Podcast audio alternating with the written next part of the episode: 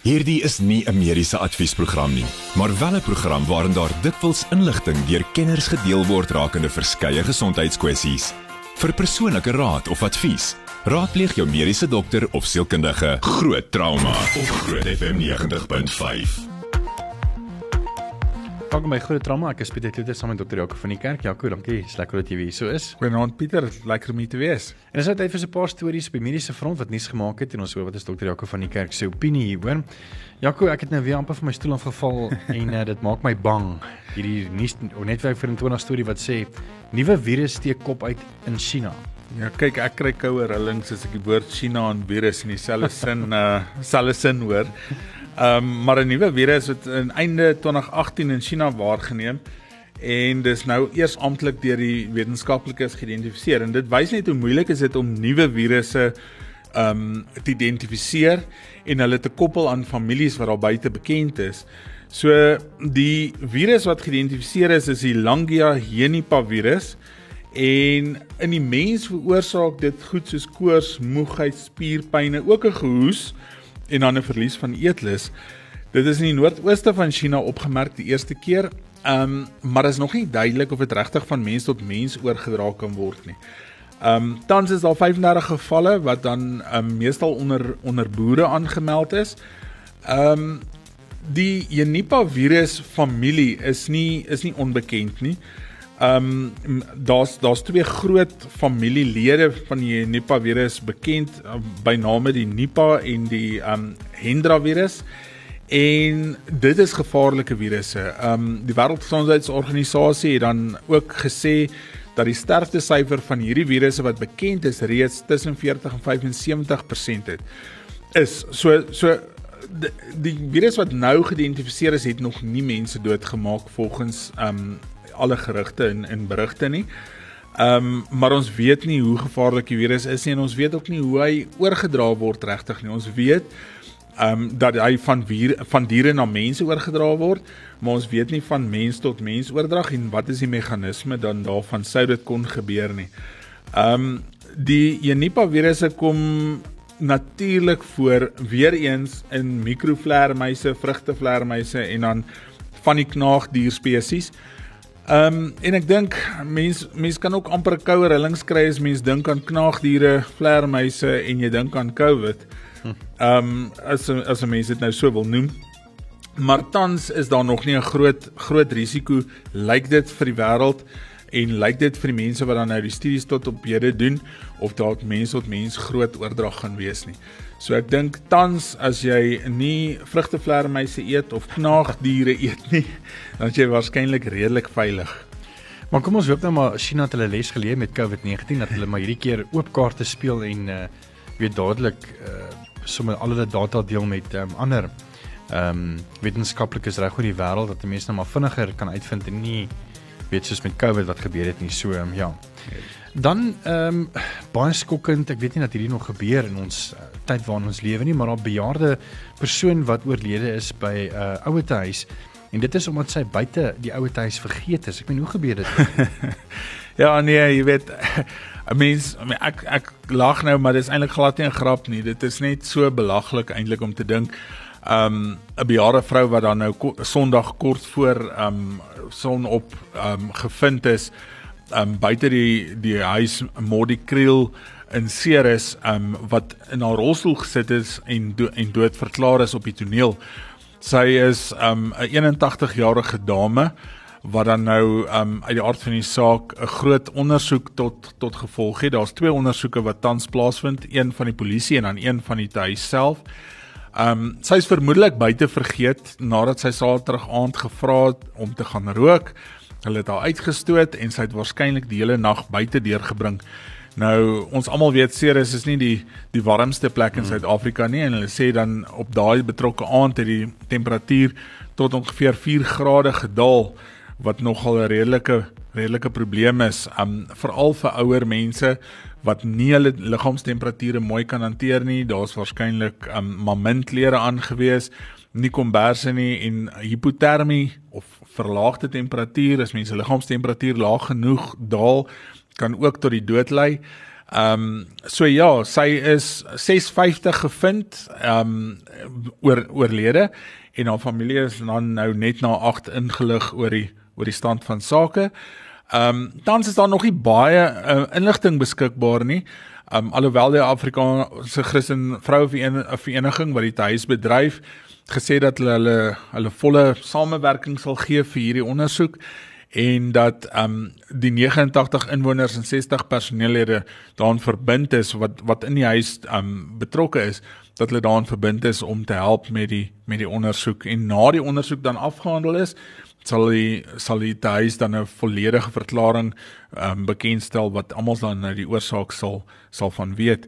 Ek dink dit is dis goed om te sien dat mense dit nie onder die mat wil invee en dat ehm um, hulle wel saamwerk en kyk waar die probleem is. Enige tyd kan sulke goed gebeur en en mense dink dis belaglik, maar sulke goed kan gebeur. Ehm um, ek dink net 'n mens moet dan maatreëls in plek tree of stel sodat ehm um, sulke goed voorkom kan word in die toekoms. Kan 'n mens doodgaan van hipertermie of uh, hypo hypo hipotermie? Ja, jy kan definitief. Ehm um, ons almal sal begin bewe op 'n stadium as ons koud kry en dis probeer om of 'n poging van ons om ons liggaamstemperatuur ook daar ehm um, te verhoog of of of stabiel te hou. Maar as ons temperatuur onder 'n sekere vlak daal, dan sal 'n mens hart begin fibrilleer. Met ander woorde, die spierfunksie van jou hartspier gaan nie meer wees wat dit moet wees nie en jou hart gaan letterlik ek wil nie sê gaan staan nie, want daar's nog steeds elektriese aktiwiteit, maar jy gaan fibrillasie kry. En fibrillasie beteken jou hart bewe letterlik net en daar's geen uitwerp van bloed nie, so jy het geen bloedsirkulasie van die brein en aan jou ander vitale organe nie en jy sal definitief sterf. En dis baie moeilik om iemand te resusciteer wat hipotermies is um een van die oorsake vir hartdood of skielike koronêre sterftes is hipotermie. Um en en en dis definitief een van die belangrike goed om na na te kyk ook in mense wat siek is, mense wat wat jy kry in 'n hospitaal wat wat hartares het, is dit een van die oorsake wat omkeerbaar is is om daai uh, of persone dan net weer hulle temperatuur te laat lig en hulle kerntemperatuur te laat styg en baie keer is dit een van die redes hoekom jy 'n suksesvolle resuscitasie het. Maar die aard van die saak is dit lank genoeg aanhou en breindood is al is al ehm um, deel van die van die prentjie, dan ehm um, is dit onomkeerbare dood. Bly geskakel ons gaan 'n bietjie later in die program kyk na weet hoe akkuraat is van hierdie sepies wat mense kry op televisie en dan net nou dan as dit tyd vir vrae vir Jaco as enige mediese vrae het 061 610 4576 Onthou standaard tariewe geld. Groot trauma met Pieter Kloete en dokter Jaco van die Kerk op Groot FM 90.5. Dis tyd vir stories op die mediese front wat nuus gemaak het en ons hoor wat is dokter Jaco van die kerk se opinie hieroor. Blou kan geskakel 'n bietjie later in die program gaan eh, Jaco eh, so 'n paar van hierdie sepies wat op televisie is vir ons bietjie analiseer en laat weet of hoe medies akkuraat hierdie programme is. Bly gerus ingeskakel daarvoor. En dan as jy enige mediese vrae het, vra vir Jaco aan die einde van die program 061 610 4576. Onthou standaard tariewe geld. Jaco daar te Harry losgebars oor ehm um, toevallig by Dr Harry ehm um, City Hospitaal in Appington oor 'n dokter wat blykbaar homself vervies het en ehm uh, vir 'n pasiënt, jy weet en uh, die video is natuurlik nou op nuusplatforms gedeel en die meer. En ehm um, wat maak jy van hierdie storie want ons natuurlik twee kante of drie kante van die storie. Die storie ja. van die dokter, die storie van die persoon wat die video gevat het en die waarheid. Ja, Pieter, ek dink dis presies wat jy daar sê. Ek dink daar's altyd drie kante agter die storie. Ehm um, en ongelukkig is daar dan nou net die kant van die van die pasiënt se familielid hmm. ehm um, wat dan hier uitgebeeld word. Ehm um, dit is so dat ehm um, die dokter dan daarvan beskuldig word dat hy nie deernis teenoor die pasiënte toon nie. Ehm um, die groot probleem is is as mens na die geskiedenis gaan kyk, net dit wat jy daar lees nie in die in die artikel Die betrokke man het sy vrou die Saterdagoggend in die vroegoggendure na die ongevalle eenheid van die hospitaal gebring en ehm um, sy die dokter gegroet, maar volgens haar man was die dokter kortaf en herhalend ehm um, en hy het gesê hy het in die begin nie geweet wat om daarna te dink nie of daarvan te dink nie, maar ehm um, toe hy voel dat die dokter ook on, onbeskof was teenoor ander pasiënte dat hy uh, wel iets daarvan moet maak. So hy sê hy het nie gegaan om die dokter te konfronteer nie en ook nie om 'n video te maak nie alhoewel dit aan die einde van die dag gedoen is. Ehm um, die groot ding is ek dink as soos jy sê twee kante van die storie. Ek ek ek hoor wat wat die betrokke pasiënt se man sê dat 'n dokter 'n professionele persoon is dat 'n dokter nie met um pasiënte neerhalend kan werk nie en en en ek stem saam daarmee. Mens moet 'n professionele en etiese praktykvoering hê. Maar dan hoor jy ook die dokter se kant wat sê die vrou was um onder invloed van alkohol en um dan het hy dit ook vir haar gesê en gesê dat um hulle moet letterlik die pasiënt ek ek ek wil amper vir jou sê ons almal was al in 'n situasie waar jy vroegoggendure gebel word en 'n pasiënt is onder die invloed van alkohol en dan is pasiënte slim en hulle is sterk en hulle is ryk en hulle wil vir jou goedjies vertel en ek dink hierdie dokter betrokke dokter is moeg want daar's 'n tekort aan dokters. Hmm. Ek dink hierdie betrokke dokter is waarskynlik kort af deur te sê mevrou bly nou stil. Um laat ons hoor wat is jou probleem en kry klaar. Um dit is 'n baie slegte oggendure storie en dit kan voorkom of die dokter kort af is. Maar daar is aan die einde van die dag moet 'n mens ook gaan besluit, gaan kuier jy by die dokter of gaan hoor jy wat is jou probleem en word dit uitgesorteer. So ek ek dink daar's twee kante van agter die storie en ek ek dink dit is 'n baie slegte ding om net een kant te stel. Ek dink beide moet die kans gegee word om om hulle kant te stel. En so is dit so dat die Noord-Kaapse Gesondheidsdepartement 'n ondersoek dan nou na die voorval gaan instel. Alhoewel hierdie video beeldmateriaal wat dan nou op netwerk 24 beskikbaar is, deel word van hierdie ondersoek, dink ek definitief daar moet aan albei kante aandag gegee word. Um dit is so daar's 'n pasiënte regte, maar daar's ook dokterregte en ek dink beide moet moet in ag geneem word as mens na so 'n uh, insident kyk.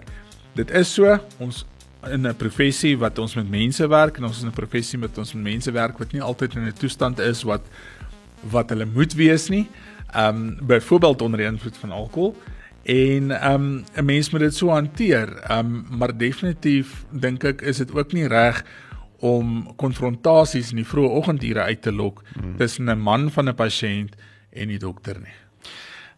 Kyk ek ek weet nie wat die situasie was nie, maar ek kan vir jou sê Jaco, ek ek het in my jonger dae in 'n restaurant gewerk en uh, en 'n kroeg. Ja. En ek kan vir jou sê as mense onder die invloed is, uh, dan raak ek ook maar 'n bietjie geïra. Uh want mense kan nie met hulle werk nie, hulle het altyd slim praatjies en sulke goeters. Dis baie. En die ander punt is is dat ehm um, uh as mense dit nou kombineer met iemand wat nou ek vat hom byvoorbeeld myself wat nou in 'n in 'n bar gewerk het nou baie baie jonger was ja. dan begin mense nou maar vroeg die oggend en dan teen teen die aand 10:00 is jy so moeg jy en en geïrriteerd jy weet jy weet hierdie mense wat nou so 'n bietjie onder die invloed is so ek dink ek ek weet nie ek dink ek is miskien nog so 'n bietjie vir die dokters aan die dokter se kant op hierdie en as ek nou regtig 'n kant moet kies Ehm um, maar baie inwoners van Appington het ook intussen vir die dokter in die bres getree en vir hom as beleefd met 'n groot passie vir sy werk beskryf. So ehm um, ek dink dit sê nogal baie, jy weet. Ja, so. ek dink baie mense vergeet hulle slaap elke nag in hulle bed en hulle is elke oggend uitgerus as hulle wakker word. Um en dit is waar groot probleme in in mediese sorg oor die algemeen in Suid-Afrika, nie net in die staatssektor en privaat sektor ook. Daar's te min dokters, daar's te min verpleegpersoneel vir die hoeveelheid pasiënte, so die ure wat gewerk word is baie lank.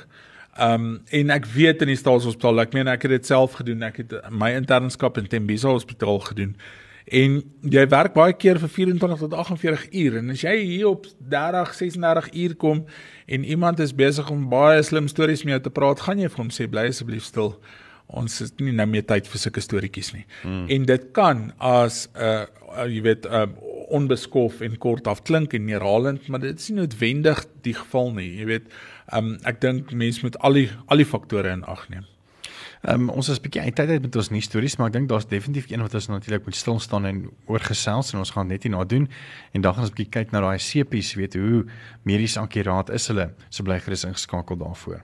Met die volgende program bo Groot FM 90.5 om jou as luisteraar met die nodige inligting oor 'n spesifieke onderwerp te voorsien. Alhoewel hierdie inligting dikwels deur 'n kenner op die gebied gedeel word, word jy aangemoedig om jou mediese dokter of sielkundige te besoek Vir persoonlike advies of raad, Groot Trauma met Pieter Kloete en Dr. Jaco van die Kerk op Groot FM 90.5.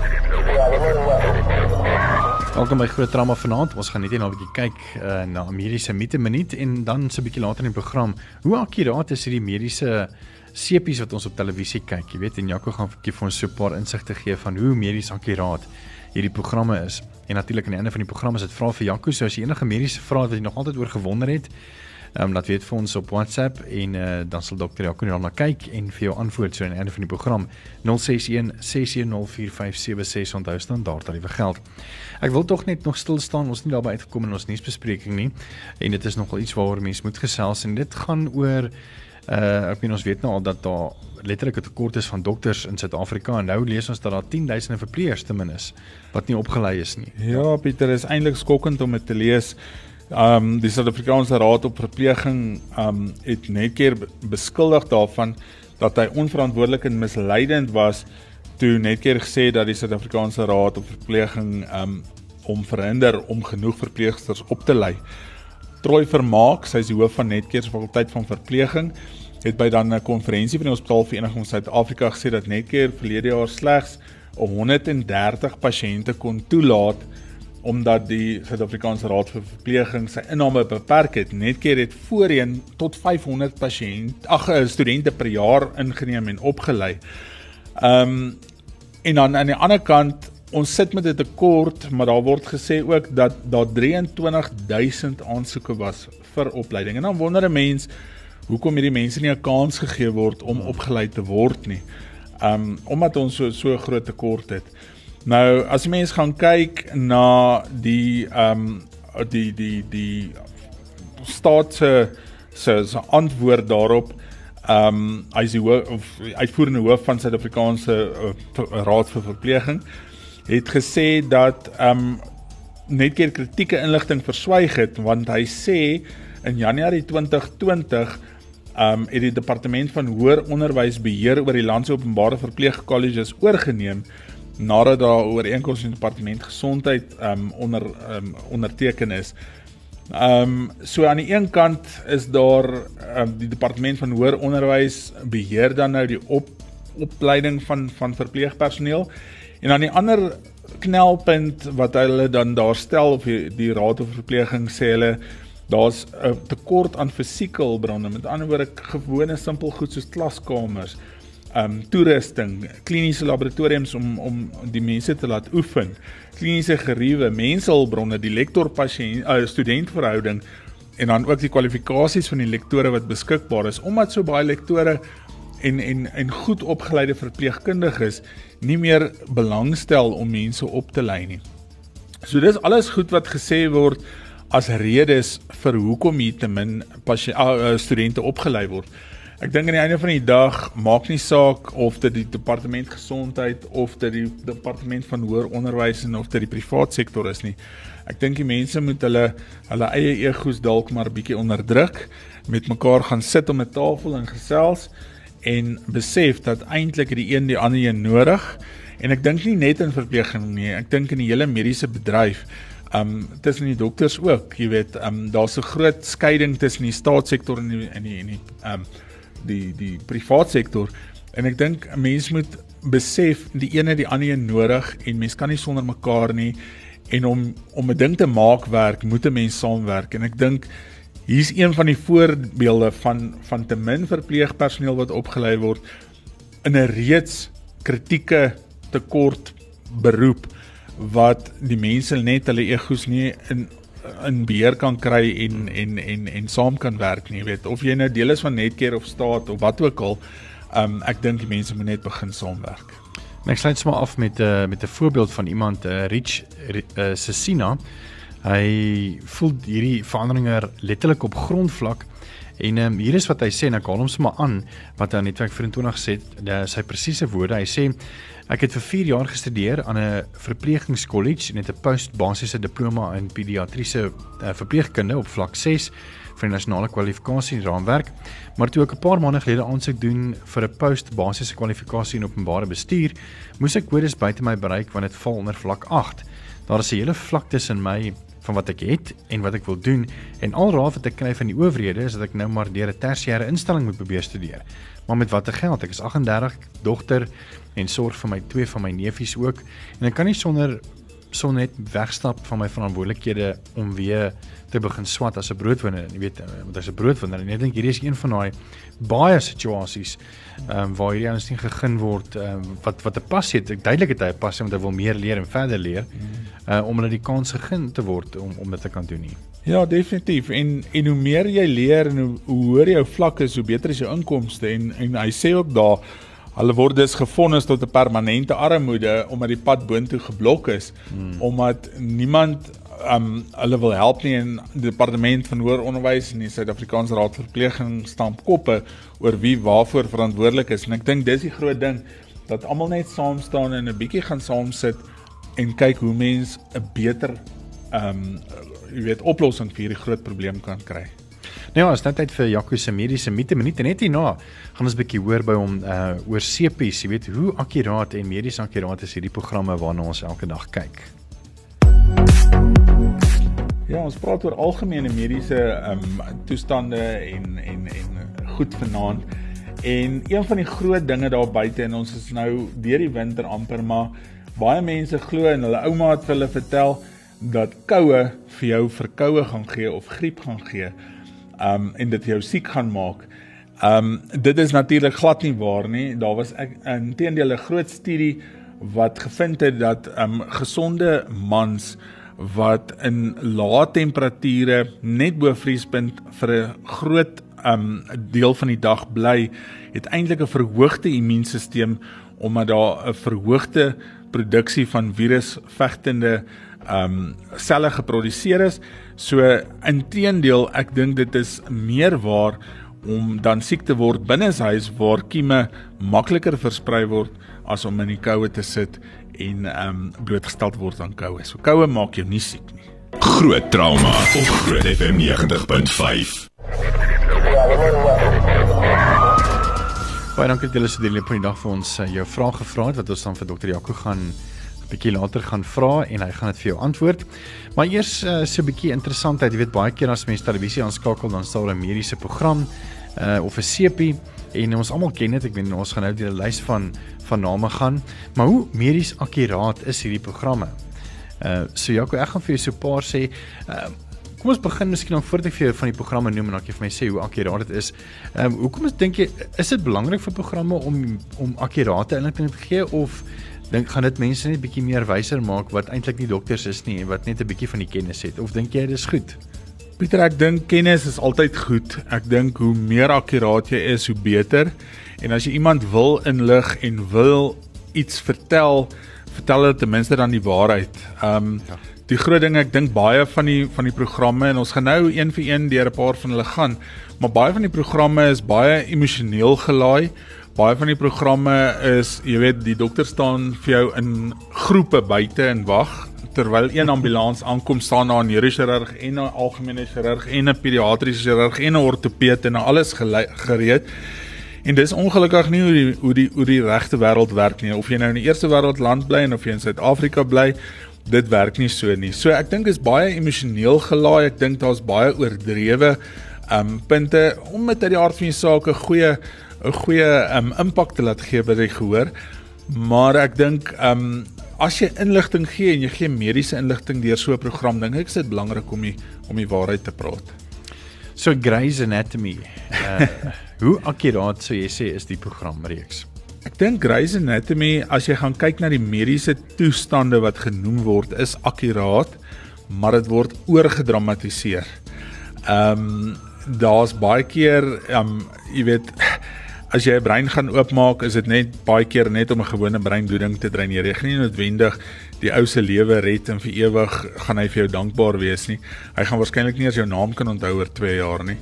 Um want mense vergeet wie hulle geopereer. As jy nou vir mense gaan vra wat so operasies het al gehad, dan gaan hulle vir jou sê hulle het al 'n knieoperasie gehad en 'n voet en 'n enkel en 'n dit.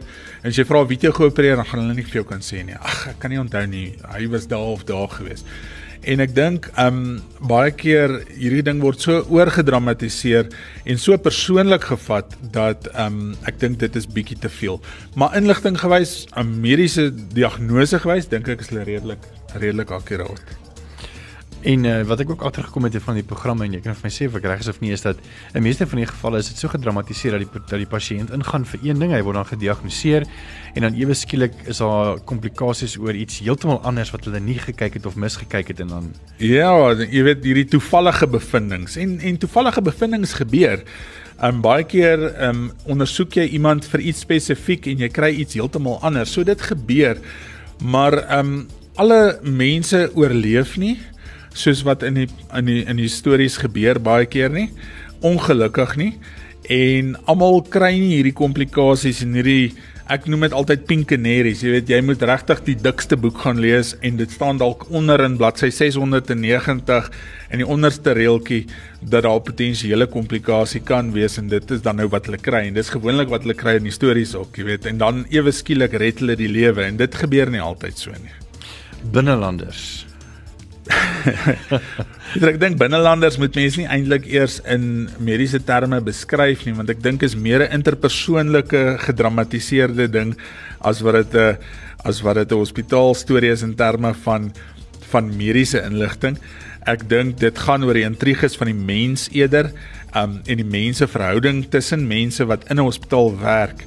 Maar ek dink dit word oorgedramatiseer en ek dink dit is nie so glorious of glorifying kan ek amper sê die Afri die Engelse woord daarvan as wat hulle dit maak nie. Um jy weet die hospitaalbestuurders bly nie noodwendig in die sewe verdieping huise wat met um met 'n Ferrari in die voorkant en 'n Lamborghini in die in die in die tweede garage nie. Um jy weet en en hulle het nie soveel mag altyd en die dokters het nie soveel mag as wat hulle altyd daar uitbeeld nie. Dan die reeks House Kyk, ek is 'n groot House fan. Um daar's 'n paar goed van House. House is akademies baie baie akkuraat. Um alhoewel dit moeilike diagnoses is en dis een van die stories wat hulle kry al hierdie moeilike pasiënte wat al deur 'n klomp ouens gesien is en niemand kan 'n diagnose maak nie en die behandeling is moeilik en die diagnose is nie voorhand liggend nie. En dan is hierdie groep dokters daar in 'n departement, 'n diagnostiese departement om dan hierdie diagnose te maak en die uiterstes waartoe hulle gaan om hierdie diagnose te maak. Ehm um, so dit is nie maklike diagnoses wat ooit gemaak word in die in die reeks house nie, maar dit is akkuraat en jy kan dit maar gaan kyk in handboeke ook. Dit wat hulle sê is akkuraat. Ehm um, ek dink die belangrike ding van house is ook dat hulle die menslike aspek van die dokters ook in in ag neem. House homself wat die wat die hoofkarakter is, het 'n um, middelafhanklikheid. Hy was in 'n ongeluk, hy het 'n beenbesering gehad, hy het 'n spier wat doodgaan in sy bobeen en dit gee vir hom kroniese pyn. Hy het verslaaf geraak aan pynmedikasie. So ek dink definitief um dit maak die menslike aspek en wys dat dokters ook mense is en dat dokters ook emosioneel kan raak. Hy's hy's byvoorbeeld een van daai ouens wat as ons nou nou oor die oor die nuus gepraat van van 'n on, onbeskofte dokter. Ek dink hy sal Hy sal baie keer ehm um, afgeneem word sinds Suid-Afrika gepraktiseer het, want hy is waarskynlik baie keer kort af, maar nie noodwendig om die pasiënte benadeel nie. Inteendeel, ek dink hy's baie goeie klinikus, ehm um, maar definitief akademies akkuraat. En dan een van my gunstlinge, the good doctor. Ja, dis dis ook akademies korrek. En wat vir my lekker is van die good doctor is dat almal nie perfek hoef te wees nie. Ek meen die hoofkarakter in The Good Doctor het um outisme en uit die aard van die saak sukkel om te kommunikeer tussen gewone mense en met gewone mense. Hy kom baie keer kort af voor, hy kom baie keer voor asof um hy bietjie vakerig is en aan die slaap is, maar hy is eintlik ongelooflik intelligent en um hy kom baie keer uit met diagnoses en en en planne om pasiënte te behandel wat die gewone standaard ou nie meer kan uitkom nie. En ek dink dit maak net sin om om weer eens te wys dat dokters is mense en mense het almal 'n unieke karakter en almal is nie perfek nie. En alhoewel jy nie perfek is nie, kan jy nog steeds in die medisynebedryf 'n groot verskil maak. En hy laaste in 'n transplant.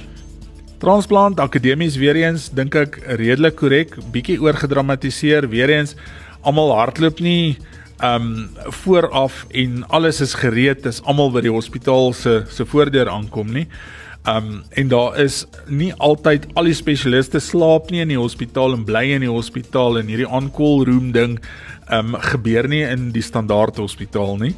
Um maar ek dink akademies gesproke baie goeie 'n uh, goeie program ook en um dit wys weer eens dis een van die dokters wat daar hoofkarakter is um kom uit 'n oorloggetuistere gebied en hoe hy eintlik bosmedisyne moes gedoen het sonder enige goeie toerusting en hoe hy planne kan maak ook dan nou in die eerste wêreld hospitale waar baie keer die ouens se planne heeltemal um te min is vir vir die behandeling van die pasiënt. So net om af te sluit, um volgens uh, jou uh, Grey's Anatomy Binnelanders House the Good Doctor in Transplant is so jy sê dat House is dan die mees akkuraatste? Ek dink House nommer 1 en Good Doctor nommer 2. Mm, my gunsteling nommer 2 mooi. Maar net hierna sit vra vir Jaco en as jy enige vrae gestuur het, gaan Jaco dit vir jou net hierna beantwoord. As jy nog 'n vraag het 061 610 4576 onthou standaard tariewe geld. Met die volgende program bo Groot FM 90.5 om jou as luisteraar met die nodige inligting oor 'n spesifieke onderwerp te voorsien. Alhoewel hierdie inligting dikwels deur 'n kenner op die gebied gedeel word, word jy aangemoedig om jou mediese dokter of sielkundige te besoek vir persoonlike advies of raad. Groot trauma met Pieter Kloete en dokter Jaco van die Kerk op Groot FM 90.5.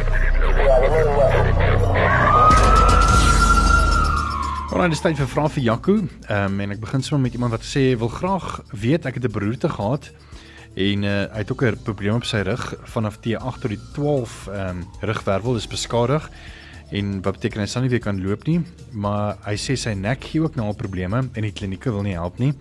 En dan ook uh, kan ek ook nie my blaas hanteer. Wat staan my te doen? Ja, ek dink een groot probleem is um 'n T8 tot T12 beskadiging is redelik hoog um, om 'n spinalkoord besering te kry. Nou die oomblik wat 'n mens praat van 'n T8 tot T12 beteken dit is nou vier wervelvlakke wat beseer is, maar eintlik is jou neurologiese vlak is um T8. So enigiets onder T8 of die agste torakale wervel se sensasie gaan jy dan nou nie kan voel nie. Um wat beteken dat jy selfs onder dit 'n probleem kan hê, jy kan 'n besering ook onder dit hê wat dan ongemerk verby kan gaan omdat dit nie noodwendig vir jou pyn gaan gee nie. Die feit dat hy nie sy blaas beheer kan hê nie, is waarskynlik um omdat daar dan nou geen senuwee impulse is van die limbale wervels ook na die blaas toe nie. En daar's verskeie maniere hoe mense dit kan hanteer. Dit is baie moeilik in die staatssektor, in die staatssektor gewoonlik of in die in die ehm um, jy weet openbare sektor gaan hulle waarskynlik vir hom 'n suprapubiese kateter insit wat 'n inblywende kateter is wat eintlik so 2 vinger breed is bo die bekkenbeen aan die voorkant 'n gaatjie gemaak word na die blaas toe wat dan aan 'n katetersak gekoppel word wat dan van tyd tot tyd vervang word. In die private sektor is daar baie keer ook blaasstimulators wat ingeplant kan word wat eintlik 'n elektriese impuls gee wat die blaasbeheer vir jou kan kan aanhelp wat dan vir jou blaasbeheer kan gee. Ehm um, die persoon vra ook of sê ook dat hy nekprobleme het. Nou mense moet onthou jou nek, jou torakale wervels of jou servikale wervels, jou torakale wervels en jou limbale wervels, jou laarig ehm um, is alles maar deel van een ek noem dit 'n orgaan want die wervelkolom is maar een struktuur. En as jy 'n besering of 'n siekte het op een vlak, beteken dit nie noodwendig die vlakke boontoe en ondertoe is gesond nie. So dit is so dat as jy 'n besering het in een van jou vlakke van jou wervelkolom dat daar 'n groot kans is dat jou ander wervelkolom dele ook 'n mindere mate van besering kan hê waarvan die nek uit die aard van die saak 'n groot sagte punt is of 'n baie baie um, jy weet 'n kritieke punt is. Gewoonlik as jy nekprobleme het, gaan jy baie keer pynne en verwyste pynne na jou arms en jou hande toe hê want jou nek vir so groot gedeelte van jou nek senuwees gaan na jou boonste ledemate toe. Um en aan die einde van die dag is die behandeling en dit is baie moeilik in die staatssektor is om 'n MRI van daai wervelkolom gedeelte te doen na 'n goeie kliniese ondersoek by jou dokter en om waarskynlik dan nou te besluit het sy chirurgie of dan die nie indringende behandelings waarvan daar baie is ehm um, wat mens kan gebruik om pyn en senuweegeleiding mee te te behandel. Maar die die groot probleem is klink dit vir my by hierdie betrokke persoon is sy blaasbeheer en blaasbeheer is 'n groot krisis boonbehalwe die feit dat hy lyk vir my in die staatssektor is wat waarskynlik gaan eindig in 'n suprapubiese kateter. Dan vra iemand hierso, um, ek wil graag meer weet oor pankreatitis. My ouma is gediagnoseer uh, met die siekte. Hoe ernstig is dit en hoe kan dit behandel word? En ek weet ons het tensy 2 weke terug daaroor gepraat oor uh, pankreatitis en uh, ek dink daar's twee, jy weet uh, kronies en nie kronies. Ja, jy kry akute pankreatitis en kroniese pankreatitis. Nou pankreatitis maar 'n inflammatoriese proses van die pankreas uit die hart van die saak. Ehm um, die algemeenste oorsaak van pankreatitis is 'n galstene. Tweede algemeenste is alkoholmisbruik. Derde is virusse. Daar's sekere virusse wat dit kan doen. Daar's um, hipotermie. As jy kwai koud gekry het, kan jy ook pankreatitis kry. Ag en daar's 'n paar van die van die metabooliese siektes wat ook vir jou pankreatitis kan gee. Um, en outoimmuun siektes kan vir jou pankreatitis gee. Nou pankreatitis soos ek sê is 'n inflammatoriese proses van die van die pankreas en dit beïnvloed dan die ensieme, die lipase en die amilase en dan selfs jou jou suikermetabolisme wat deur die pankreas beheer word. Pankreatitis word geklassifiseer op grond van 'n kriteria wat die Ranson kriteria genoem word en op grond daarvan is daar 'n van 'n ligte graad van pankreatitis tot dan jou ernstige pankreatitisse, so van 'n goeie uitkoms tot 'n baie baie slegte en hoë mortaliteit of sterftesyfer afhangend van die Ranson's kriteria. So Ranson's kriteria um, gebruik dan 'n klomp bloedondersoeke se resultate en op grond daarvan word jy in 'n klassifikasie ingesit van watse tipe Ranson's kriteria jy het en op grond daarvan word jou prognose of jou jou uitkoms um bepaal. Behandeling is baie keer moeilik, dis baie pynlik en ehm um, ja, dit is 'n gevaarlike toestand afhangend van wat die oorsaak is. Iets soos galstene kan maak dat as jy galstene uithaal, dat die pankreatitis opklaar. Dan tweede laaste vraag vandag is ehm um, die persoon sê die 1 November 2003 uh was ek in 'n lelike ongeluk. Bloeding op die brein en dit was 'n uh, professor wat daar geopereer het en vir haar suster toe gesê het as dit maar 'n skrale 5% kans vir oorlewing. En ek neem aan jy lewe en jy is nog hierso so ehm um, jy het definitief daai 5% ehm um, getroof maar die vraag is vertel my asseblief jou suiker. Hoe hoog moet hy wees as om nie diabetes te wees nie? So ek dink wat sy probeer sê is wat is ja. die normale vlak van ehm um, glikose in jou bloed Die normale vastende waarde vir suiker en of glikose in die bloed is 3.5 tot 5.6 volgens die internasionale vereniging vir diabetes. Ehm um, as jou suiker of jou glikose vlak 7.0 of meer is nadat jy vastend is, en vastend beteken 6 tot 8 ure niks eet of drink nie, dan sal jy as 'n diabetes geklassifiseer word. Of as jou glikose bo 11.1 is in die eerste 2 ure nadat jy geëet het, gaan jy ook geklassifiseer word as 'n diabetes. So hoe ons jou diagnoseer as ons wonder as jy hierdie grensgraad is, ons doen 'n 2 uur glikose toleransie toets waar ons jou vastende bloed trek. Ons gee jou dan 75 gram sukrose om te drink en dan doen ons jou suiker op 30, 60, 90 en 120 minute en ons gaan kyk wat is dit vastend, wat is dit na 2 ure en hoe maak hy 'n piek en kom dit weer af. En op grond daarvan kan jy iemand dan klassifiseer as normaal, insulienweerstandig of abnormale glikose metabolisme, abnormale insulienmetabolisme en dan diabetes aan die ander kant. Maar 7.0 of hoër vastend en 11.1 of hoër binne die eerste 2 ure of hulle praat ook van die postprandiale tydperk um, in die eerste 2 ure na ete. Alright, uh, en dan is daar nog enetjie. Hallo dokter, ek het net gehoor my seun was dokter toe en hulle het vir hom uh, gesê dis griep, maar hy's nou al 2 weke met spierpynne en sy hande en voete swel en sy hele lyf pyn. Hy het 'n jaar terug boslyskoos gehad. Uh, wat kan dit wees? Dis boffa. dit kan baie dinge wees.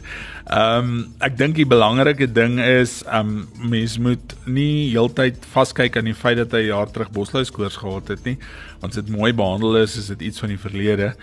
Ehm um, dit pla dat die persoon se se hande en voete swel. Mens moet maar gaan kyk na goed soos ehm um, lewerfunksies, nierfunksies. Ehm um, as hulle mens kry goed soos nefrotiese sindroom, nefritis en nefrotiese sindrome van die niere. Ehm um, maar hande en voete wat swel in 'n persoon wat lyfseer en koors het en en en siekerig is, moet verder ondersoek word met bloedondersoeke omdat daar 'n groot groot klomp diagnoses is wat gemaak kan word. Maar hande en voete wat swel in 'n persoon wat dit nooit gehad nie is altyd 'n rede tot kommer en laat 'n mens dit verder moet ondersoek. Nou ja, dis dit vir vanaand se groot drama. Ehm um, dankie vir julle vrae. Ons maak volgende week weer so soos nou by jou vrae uitgekom het nie. Vra vir ons volgende week weer tussen 8 en 9 en dan kyk ons of dokter Jaco van die kerk vir jou kan antwoord. Dis dit. Dankie dokter Jaco van die kerk. Dankie Pieter. Uh, direkteur van Montana Medse Trauma Eenheid en ook sy eie praktyk daar in Montana. En uh, ons is volgende week weer saam met jou. Dankie. Dankie Pieter. Groot trauma met Pieter Kloete en dokter Jaco van die kerk op Groot FM 90.5.